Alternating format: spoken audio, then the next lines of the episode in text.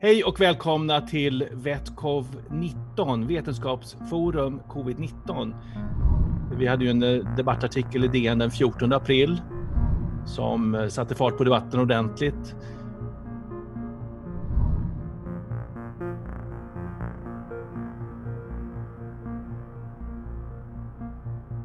Jag hade personligen varit aktiv i debatten bara några veckor innan och skrivit en debattartikel tillsammans med Bod Lundbäck som vi publicerade i Expressen där vi tyckte att munskydd, stänga skolorna och, och ta några krafttag för att begränsa smittspridningen skulle göra att vi kunde leva mer normalt i väldigt mycket fortare.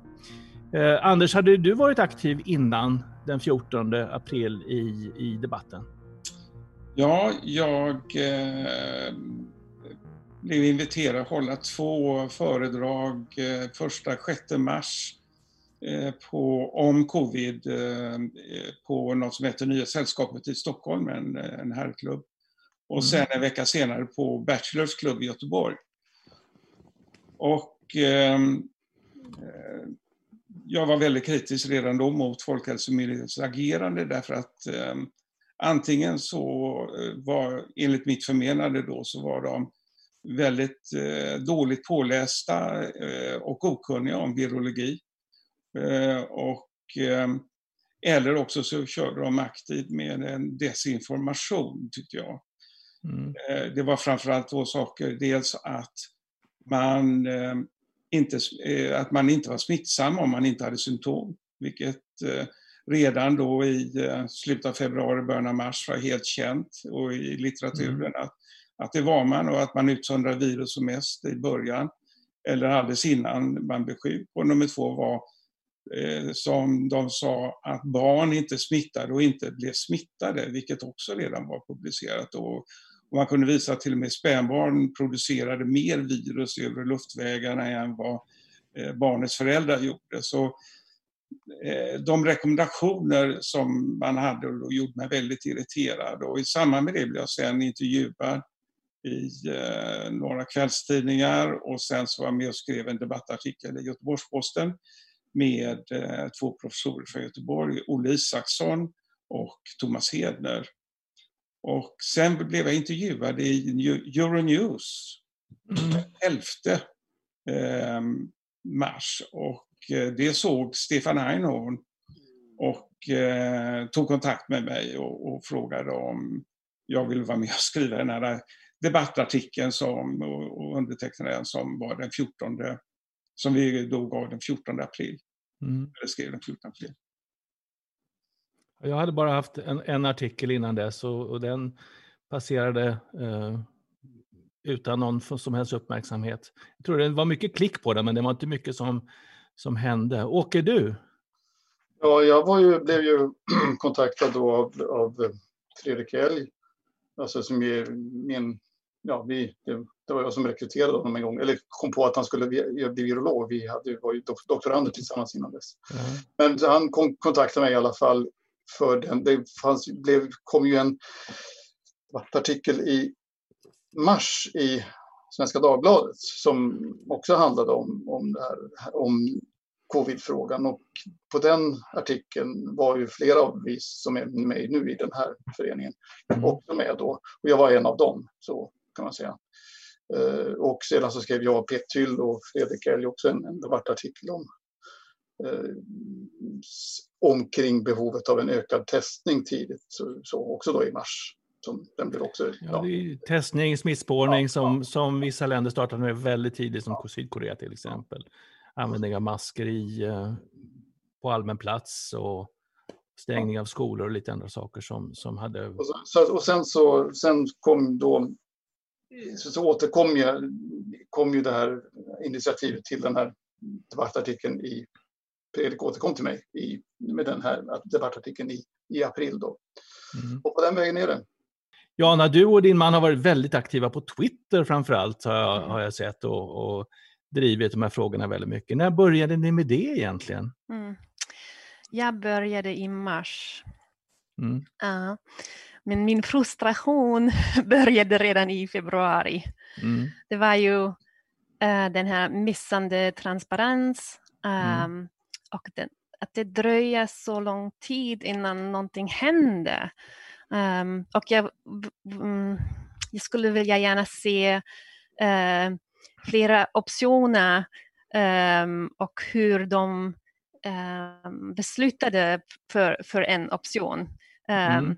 För pandemibekämpning. Så, mm. så jag var jättefrustrerad bara att jag kunde inte prata med mina vänner så mycket om det eftersom det känns att uh, det var bara jag och min man som hade en, uh, en annan uh, ås ansikt, åsikt. åsikt. Ja. Mm.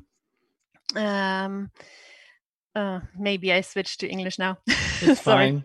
Go for English. It's um, yeah, and I I tried to also contact some other expert patients or patient patientföreträdare um, and they didn't seem to share my opinion either so I, I the only option I I thought was well I should go on Twitter because that's where you can that's the platform where you can really reach stakeholders and mm-hmm. um, try try to um, change something. And I also started um, this hashtag bytstrategi nu. Because det var I, du som startade den? Wow, mm, Okej, okay. den använder vi mm-hmm. fortfarande, var några mm-hmm. av oss.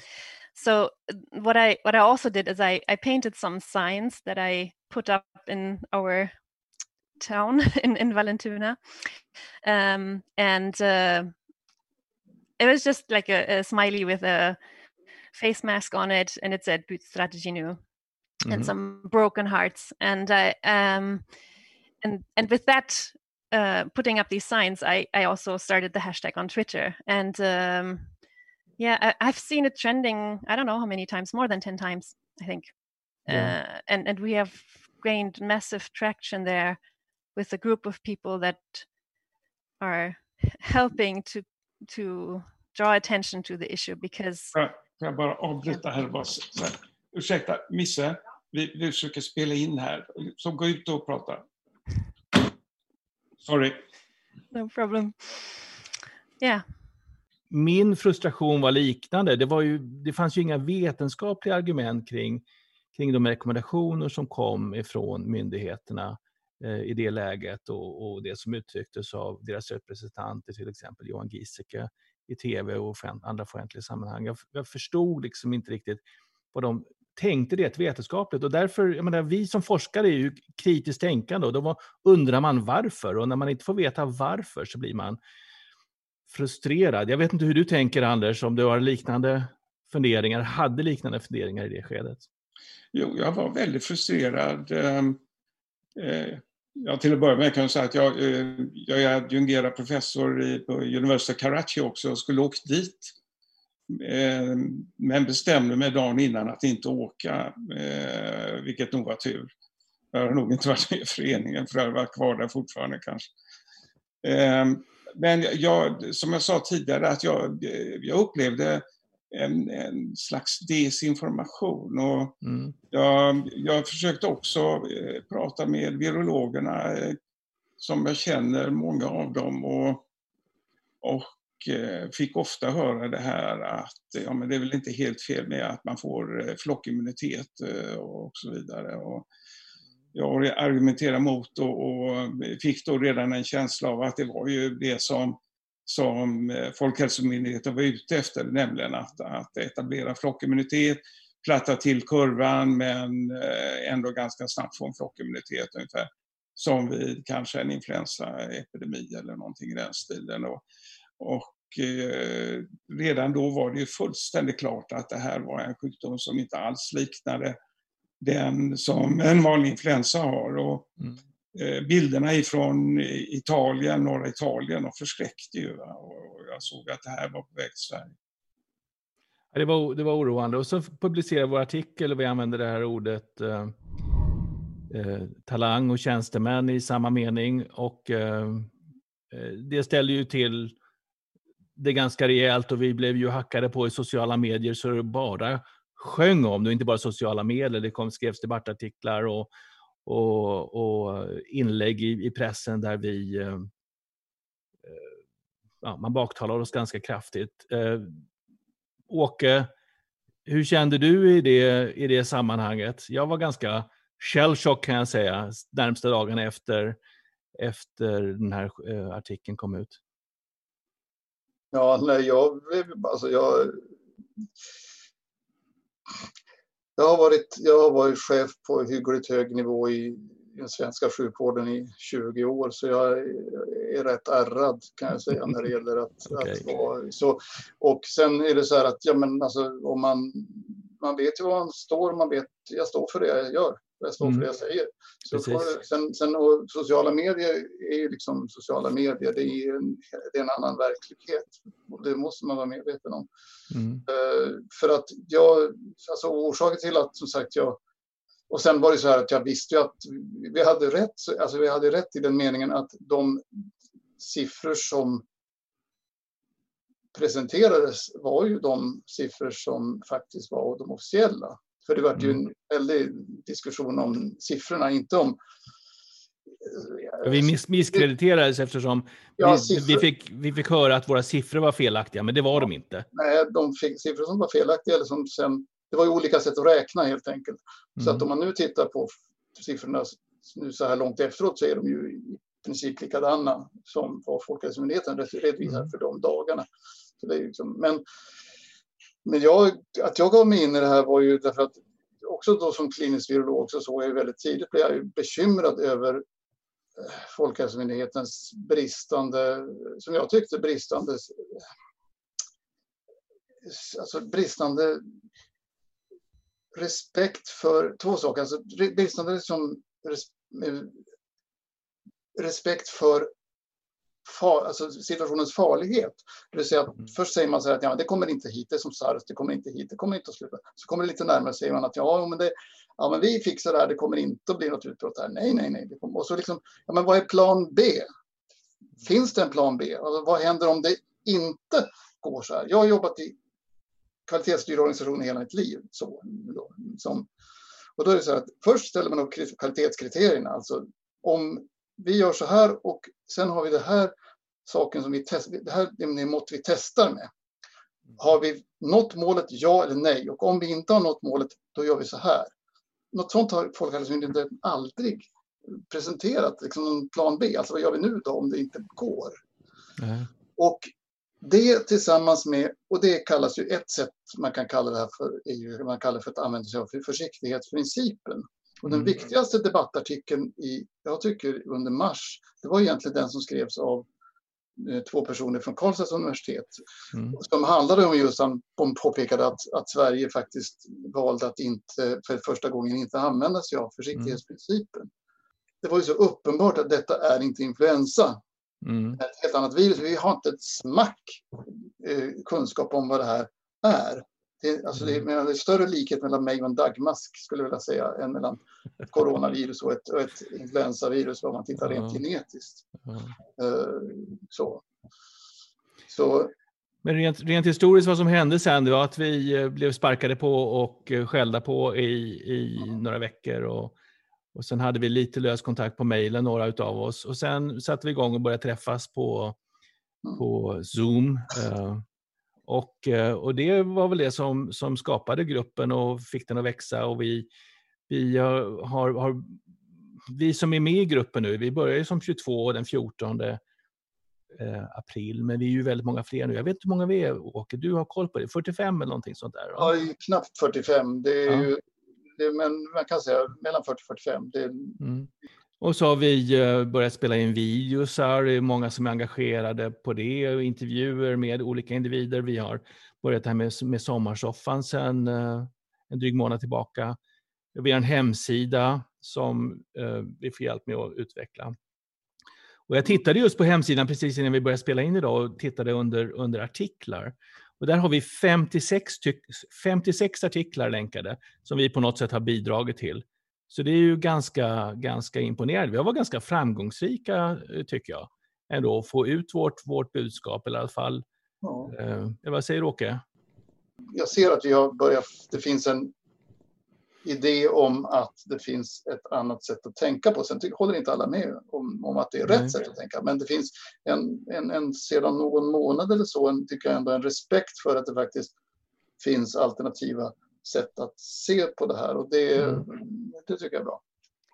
I think we should not talk as alternative because um, that's that's the term that I don't like the alternative for forskare because what what we propagate is basically just what WHO and ECDC oh, yeah, yeah, are yeah.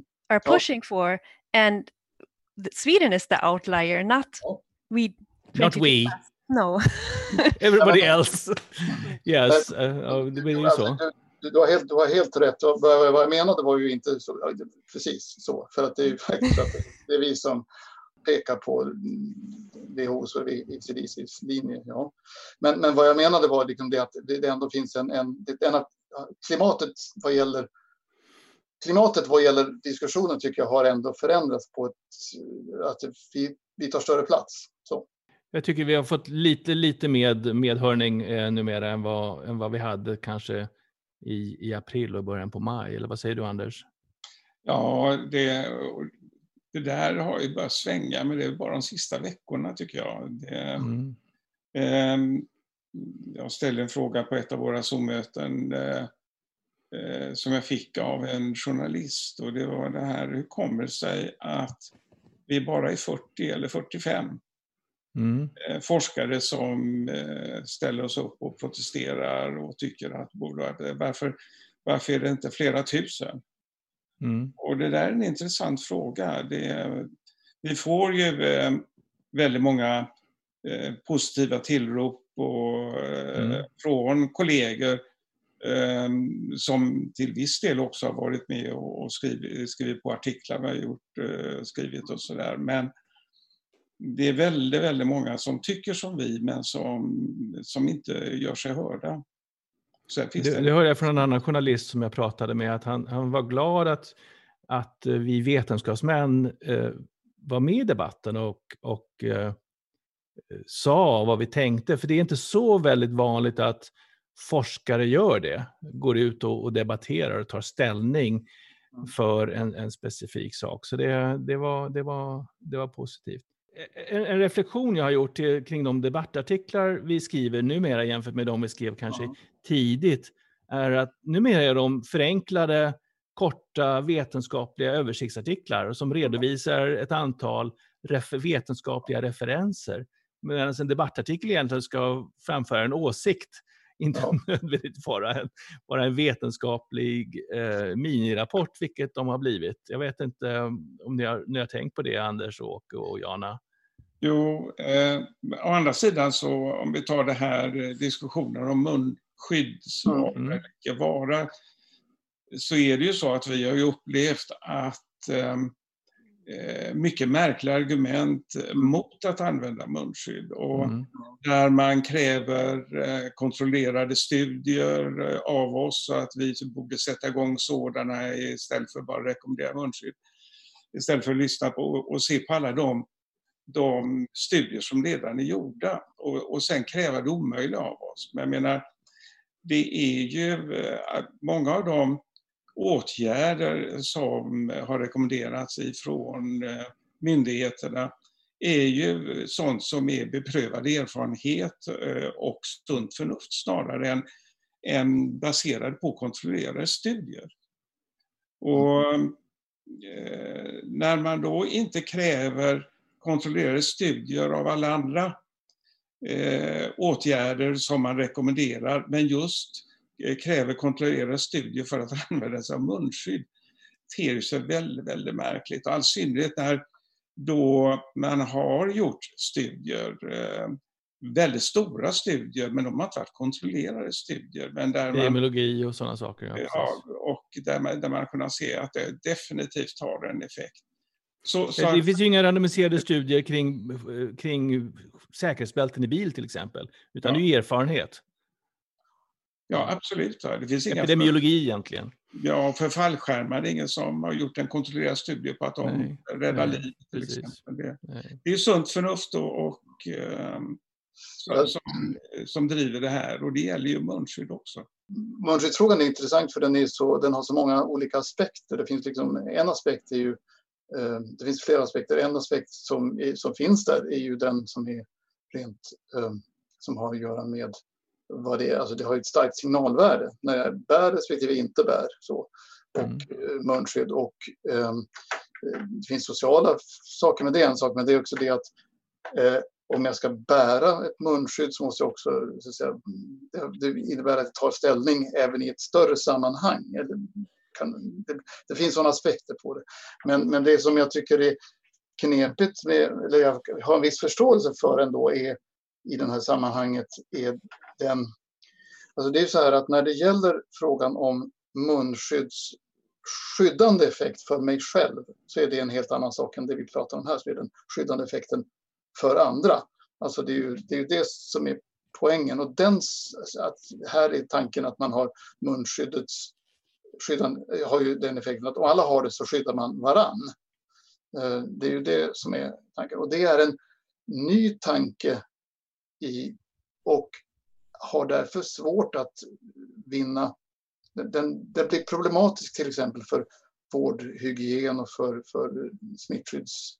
Eh, de, de, jobbar med ett annan typ av ja, därför, infektionsagens? Därför, liksom. därför att där är man, jag menar, jag har ju, till, till, det som, som jag, till min erfarenhet hör att jag har ju faktiskt har ju väldigt, arbetat väldigt mycket just med smittskyddsläkare mm. i Sverige, flera olika som jag har kontakt med och med vårdhygien. Jag har varit chef för vårdhygien i flera regioner.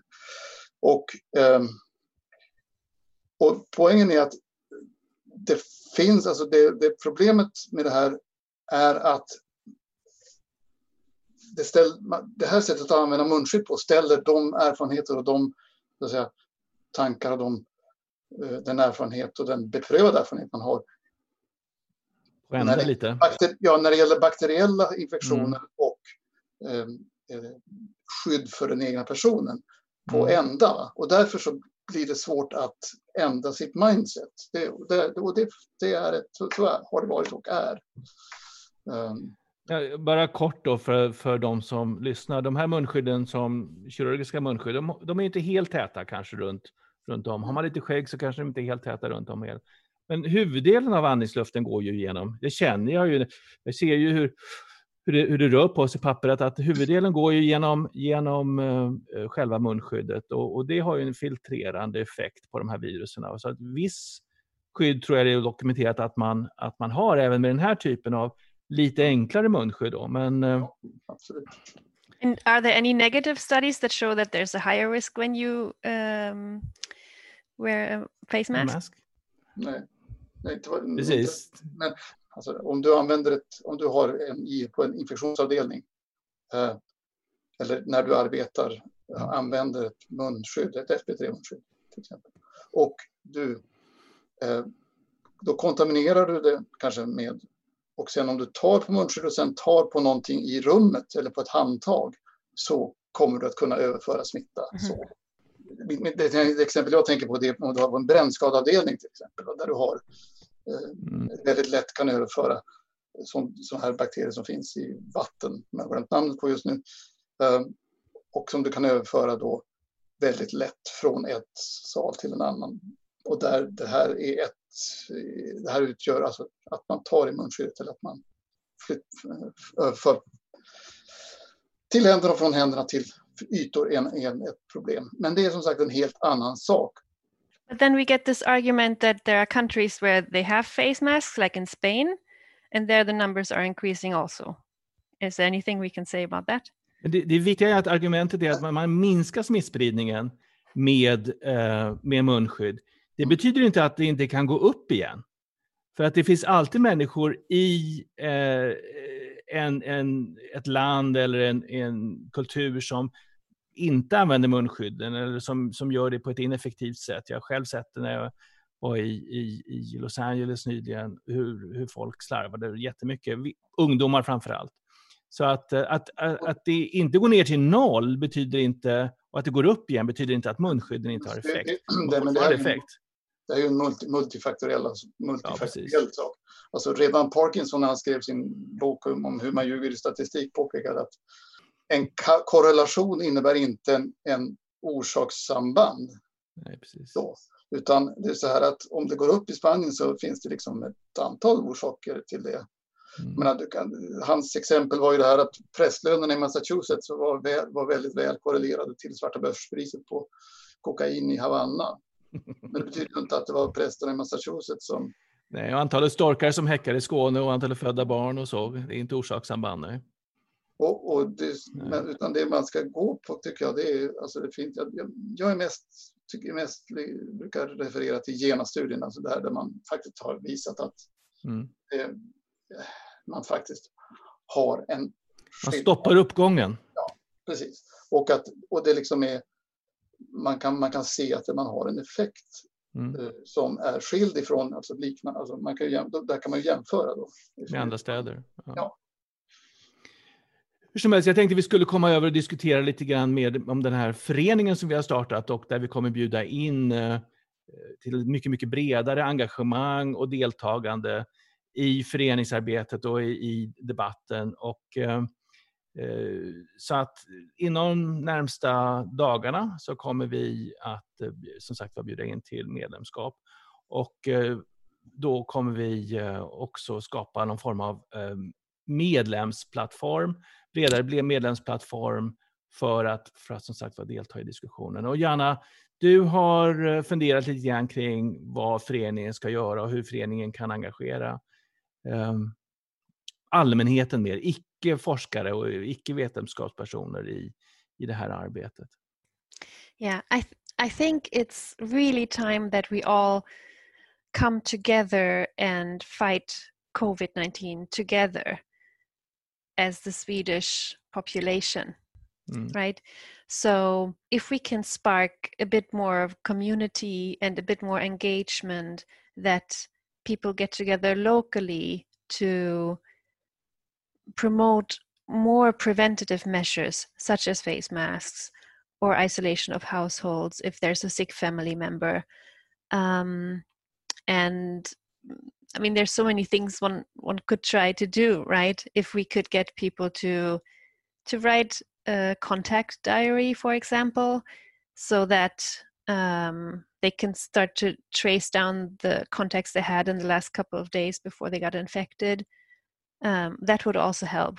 And yeah, we, we need to get people together for a real team effort to to help fight COVID 19. And um, we can only do that if we educate everyone about the international consensus regarding the current science of COVID 19.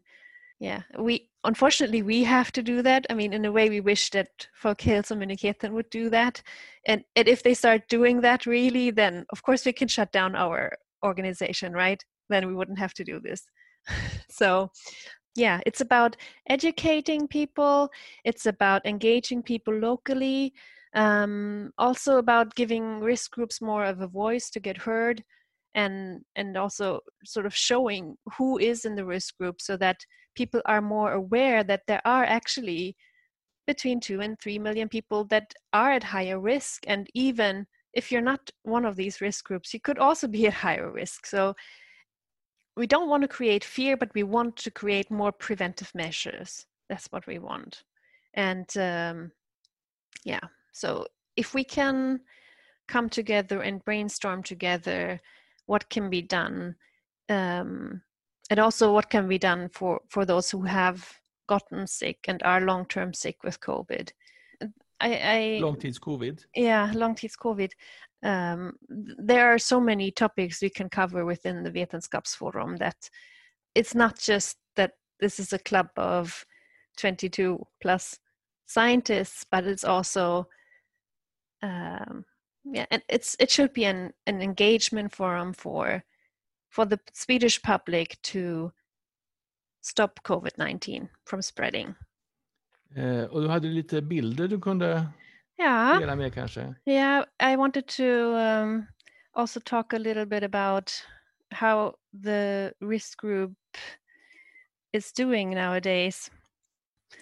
Basically, showing the um, the deaths per day, and and these this is the diagram from Folkhälsomyndigheten. So we see how many people died per day. So you have a bit of a feeling for how the first wave of the pandemic was going on and and how the dates when things were defined and taken care of for the risk groups fall into that big picture.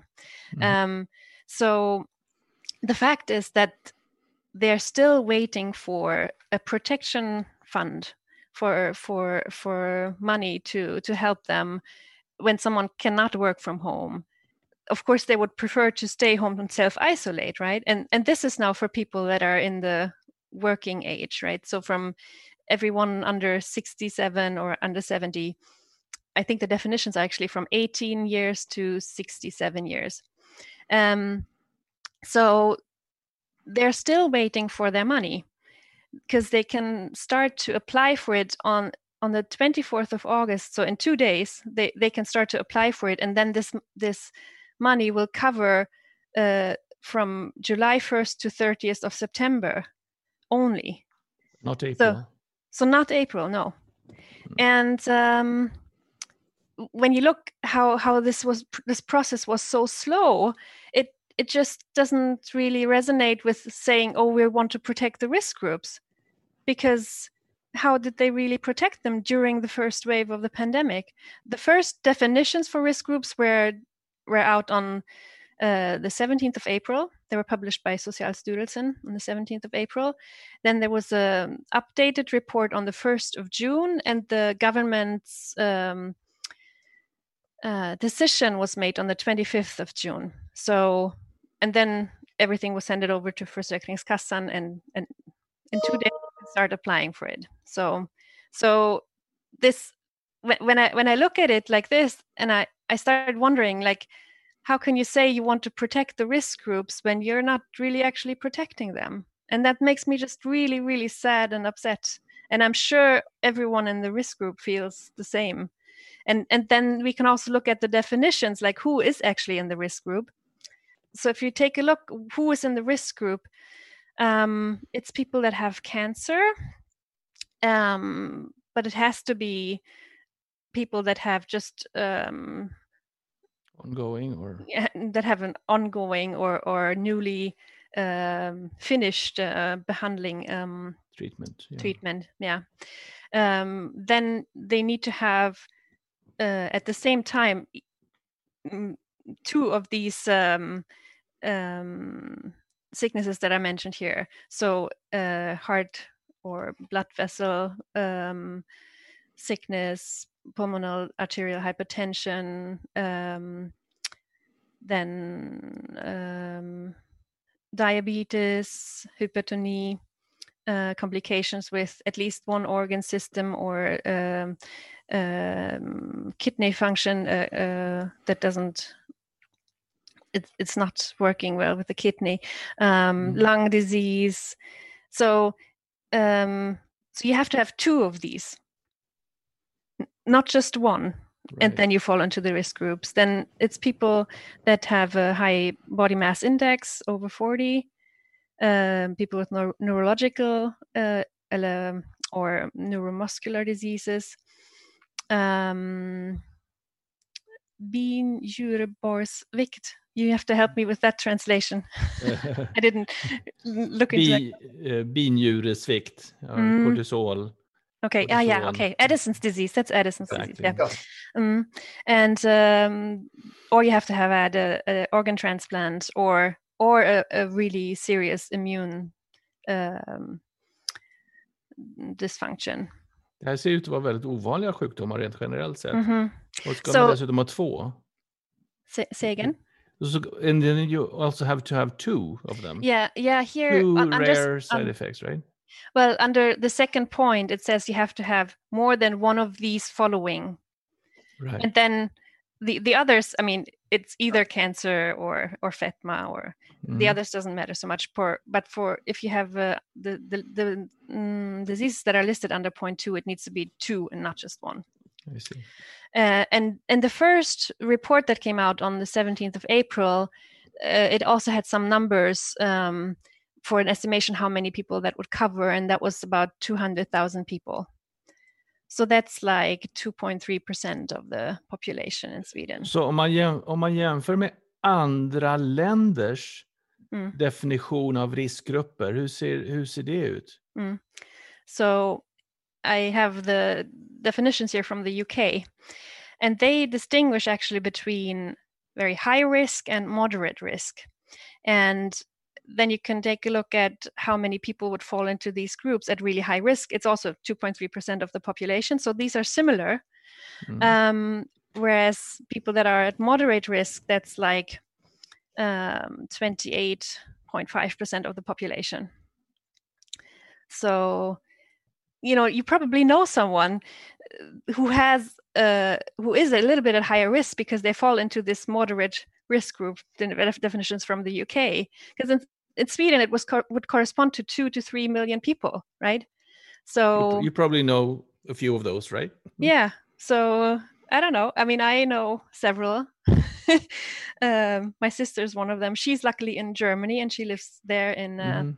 Place where for, for disabled people specifically. Mm. And I'm, I'm, glad that they're taking much better care of her there. So she is uh, being uh, treated as high risk, and she uh, she wears a mask, and her assistants wear masks, and uh, mm. and and I I just you know watching her being treated so well and then talking to people here in Sweden that don't that are not treated with precautions and and and mm-hmm. careful enough that have assistants that don't have to wear masks that makes me just really yeah sad mm. ja. även även jag såg längst ner så står det att de som är gravida mm -hmm. är också i risk -hmm. alla gravida är i riskgrupp -hmm at moderate risk, yes. Uh, and in Sweden, mm, pregnant women were actually taken out of the definitions between 17th of April and 1st of June. So I don't know. Maybe some regions actually uh, do it differently locally and, and say maybe in the last couple of weeks of the pregnancy, someone mm. doesn't have to work anymore. I've heard that from some people, but I don't have the source for it. But um, but I think in general, when you look at the definitions, they're not included anymore right now. And that's that's also I think it, it's not not right. Um, and and I, I wonder uh, how much pregnant women are actually at higher risk. And there was just some news the other day about a newborn baby that had COVID, and it's like this shouldn't even happen, right? I mean, even mm. maybe if it's mild, but but why can't we prevent this? Uh, why why does nobody really seem to care much? That's my... We care, we care. Nej, alltså det här är ju ganska intressant att vi har olika eh, definitioner för av, av eh, riskgrupp i Sverige och i utlandet. Hur, vad tycker du Anders om, om det? Är du, jag gissar att du är i riskgrupp eller knackar på riskgrupp eh, åldersmässigt och, och, och, jag kanske också har någon, någonting där. Och, eh, åtminstone moderate, eller hur? Ja, det här är väl med all sannolikhet en ekonomisk fråga därför att eh, om ersättning eh, okay. när man beskriver de här riskgrupperna och hur, eh, vad man är villig att, att ersätta folk som är hemma. Och ett eh, lätt cyniskt eh, ställningstagande kan man tycka. Det, mm. Jag menar när man pratar om, om äldreboendena och eh, personalen på äldreboendena, att många av dem hade tillfälliga jobb och hade inte råd att vara hemma om de var sjuka eh, och smittsamma. Utan de gick till jobbet ändå eh, och, och tyckte det var förfärligt. Samma sak här är ju lite grann att man tycker att man kan skicka mm. iväg folk med, med, med risk. Mm. Därför att de kan inte försörja sig annars. Ja, kan jag, bara säga, jag hade två grejer som, när vi pratade om det tidigare, om det här var som, ja. som förenade oss. Och mm. Vi har ju haft en helt annan syn på åtgärder för den här epidemin. Att vi tycker, vi, det var som varit gemensamt för oss är att vi velat dämpa epidemin så gott det är möjligt medan eh, Folkhälsomyndigheten har sagt ju faktiskt flertalet tillfällen att eh, de vill inte eh, hindra all smitta och vi har velat hindra, hindra all smitta så långt det är mm. görligt. mm. så att vi kan vänta in ett vaccin, bättre behandlingar och så vidare. Mm. Och vi har velat ge den information som finns för dels nya behandlingar, dels faran med att inte dämpa smittan så gott det går och ehm, hur långt det är fram det tar med ett vaccin och så vidare. Vi vill ju bryta varje smittkedja kan man säga och förhindra ja. så mycket som möjligt att folk blir smittade för det, mm. det, det ger ja, mindre risk för svår sjukdom och mindre risk för, för död. Vi sitter i en situation nu eh, när vi har fler aktivt smittade i Sverige än till exempel i Norge och Danmark. Och då kan man ju säga att ja, vi har inte, då, då ser man en ökning av smittfallen i Danmark så tycker man att det, det är eh, oroande. Men vi har ändå fler smittade och, och nya fall här i Sverige. Så, så att, att min, min oro är lite grann att vi har en sämre situation inför skolstart nu och höst än vad kanske våra grannländer har. Hur ser du på det Åke? Ja, men alltså det där har jag har hela tiden varit bekymrad. Den, den sak som jag tycker är mest konstig att folk är så lite bekymrade över eller mm. är att våra dödstalssiffror inte går ner till noll. Nu är de ju nere då på visst ja. 5 och 10 eller så. Men om du tänker då att du har, nu kan man säga att man vet kan någorlunda, men någorlunda gissa sig till i alla fall, vad som är alltså infection fatality rate. Alltså, mm. Det kan man ju egentligen inte göra förrän en epidemi har, är färdig. Det är för, mm. förstås man vet. Alltså, hur många är det egentligen av dem som blir sant sjuka i den här mm. sjukdomen som dör? Men man kan göra uppskattningar och det finns många sätt att göra det. På någonstans ligger man på kanske 0,5-0,6 procent. Det finns där i krokarna. Så det finns flera olika. Vuxna 0,7-0,8? Ja, jo, det finns ju liksom flera olika mm. uträkningar av det här och vetenskapligt, ja, olika försök till att göra beräkningar då, som är mm. hyggliga så, och eh, oberoende av varandra. Så någonstans där ligger vi. Vilket gör det här... Ja, influensa brukar ligga på 0,1 brukar man mm. säsongsinfluensa. Så det här är en dödligare sjukdom. Så det innebär, om du vänder på det då, att om tio personer dör idag, just idag, så mm. då var de, för tre veckor sedan blir de i princip smittade då, för det är ju den tiden medeltal tar mm. man dör, om man dör. Um, så betyder det att för var och en av dem så blev 200 personer smittade. Då, så att det blir då, mm. så, eh, om 10 personer, 10 personer dog idag, så då är det alltså 2000 personer som blir smittade per dag. Nya då. Och, och det, det, där, och det under sommaren och när vi har alla de här sakerna vi har igång. Ja, det är ju inte så att vi inte har gjort saker i Sverige. Vi har social distansering. Vi har folk, folk vet, alltså folk är ju vidtar ju åtgärder. Många är försiktiga, ja. Mycket Många försiktiga. Är väldigt försiktiga. Ja. Vi har, skolorna har varit stängda. Eh, vi har, ja, det har varit torrt i luften och ja, alla, det var väl sommar, är mm. sommar. Så att ja, det gör mig bekymrad helt enkelt därför att vi har smittan är mycket mer spridd i befolkningen än vad den är i våra grannländer. Och jag tror ju då, alltså vi vet så lite om den här infektionen, vi vet fortfarande inte om ett vaccin kommer att fungera, eller hur ett vaccin kommer att fungera. Så det här är en annan... Hur effektivt det är, hur länge alltså, immuniteten sitter i. Ja, det finns, ja, det finns ju alla möjliga... Mm. Du går ut och tittar i litteraturen så finns det allting, alla möjliga mm.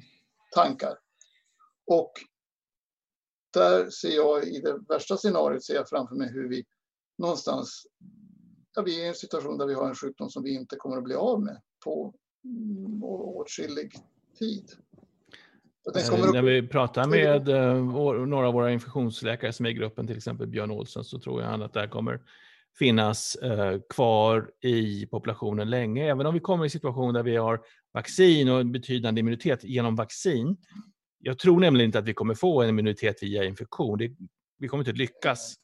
Uh, det, det, det, blir alldeles för många som blir alldeles för sjuka och, och men vaccin däremot så kanske vi kan nå en viss nivå av, av gruppimmunitet eller populationsimmunitet. Det kommer, det kommer att ta för lång tid. Om vi ska vänta på att få en på en, en, att innan vi har fått befolkningen i sig eh, immun. Ja. immun? Det, jag menar, det har vi ju inte uppnått när det gäller influensa. Eller något. Alltså det är ju, Mässling kan väl leda till det ja, kanske? Men...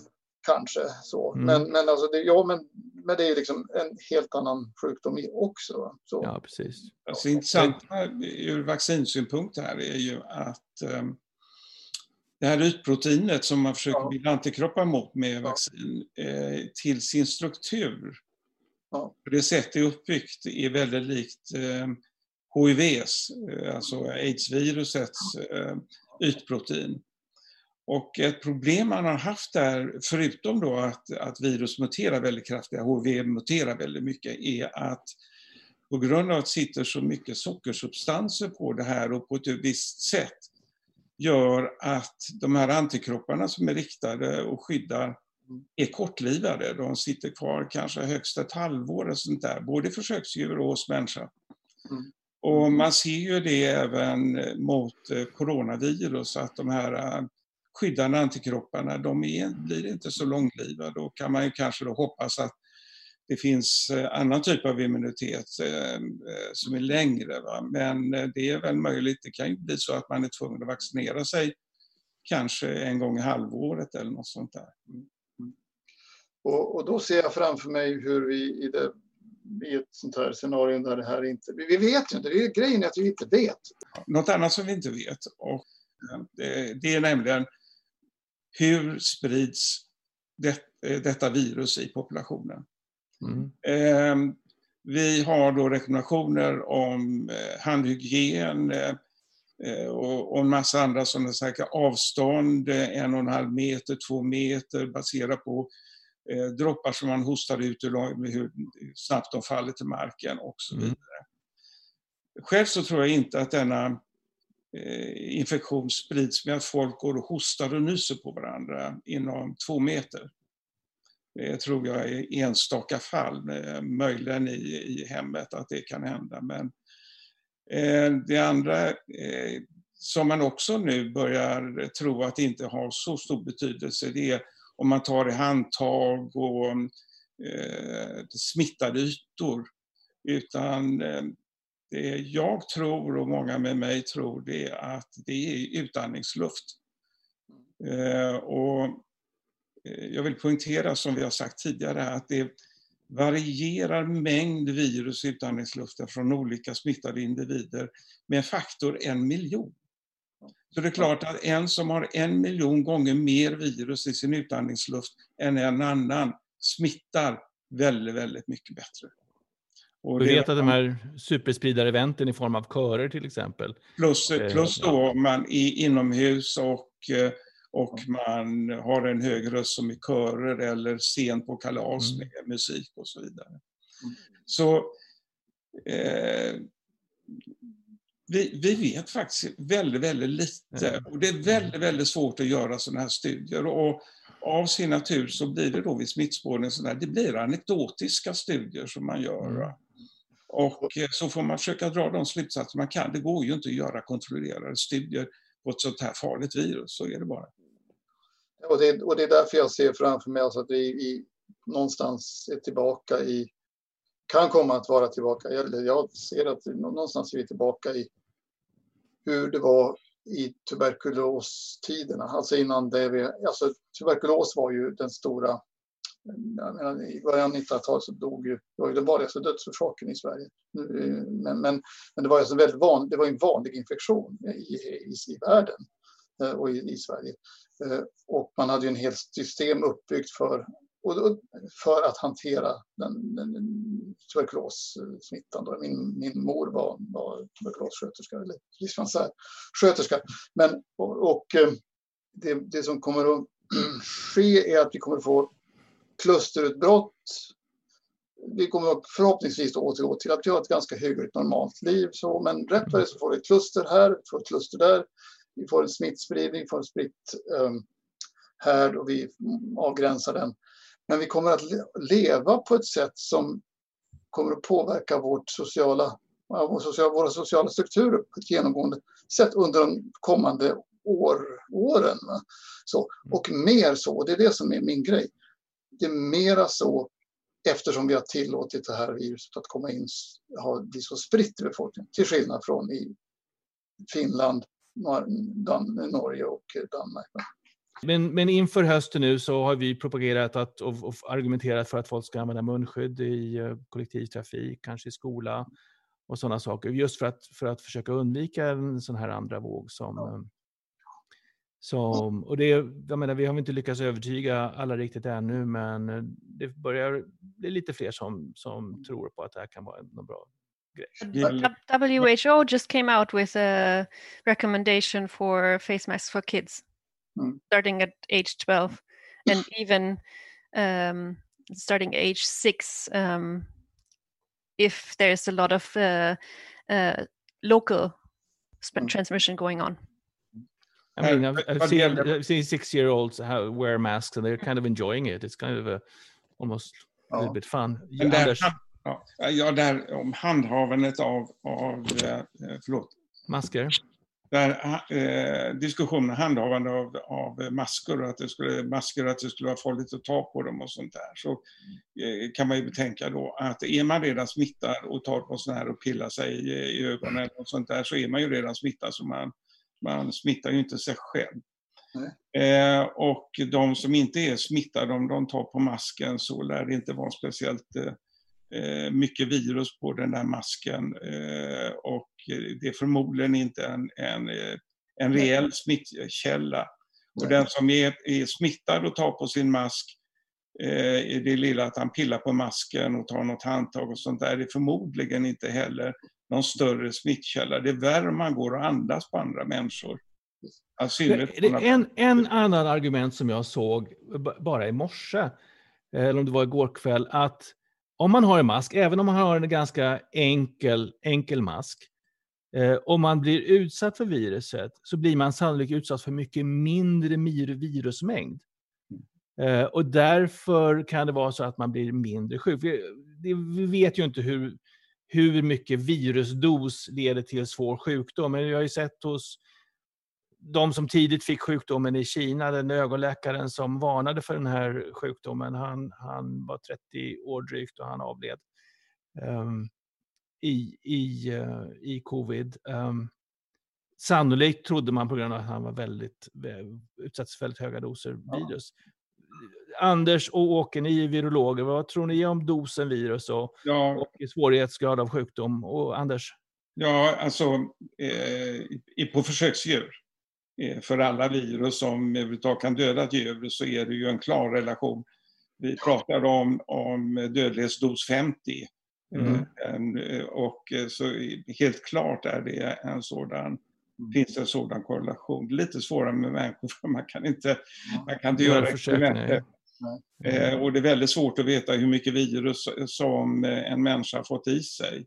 Men vi mm. vet till exempel vid fågelinfluensan så de fall där, eh, där en människa är smittad till en annan människa så var det situationer där man kunde förvänta sig väldigt höga mm. doser. Man suttit och tagit hand om en, en person i, i knät eller något sånt där, ett sjukt barn i knät och en äldre kvinna som dog i dödsland och så vidare. Så, eh, Virusdos ska vara viktigt och därför kunde munskydden möjligtvis minska absolut, virusdosen. Ja. Åke, vad tror du? ja, nej, jag håller med. Tveksam. Jag håller med. Jag, jag, håller med Anders, men alltså det, det, det, det, den viktiga, alltså det viktiga är ju egentligen... Alltså, alltså, det finns alltså, genstudier, det finns studier som säger att ja, men det här är bra om alla bär det. Så. Men, men eh, ja, nu går jag sällan in i en affär om någonsin, men skulle jag gå in i en affär så skulle jag definitivt ta på mig en mask. Inte för att skydda mig själv, utan för att eh, jag vet ju inte om jag är smittad. Ja, jag gör det delvis, delvis för att skydda mig själv faktiskt ja, och min familj. Men jag menar även så av hänsyn till mina medmänniskor ja, precis, och, precis. och demonstrera lite grann. Att, mm. Jo, det, Föregå med gott exempel. Ja. Tack allihopa, det var jättetrevligt. Eh, tack Fredrik för att du spelat in oss. Och eh, vi hörs igen nästa vecka. Mm.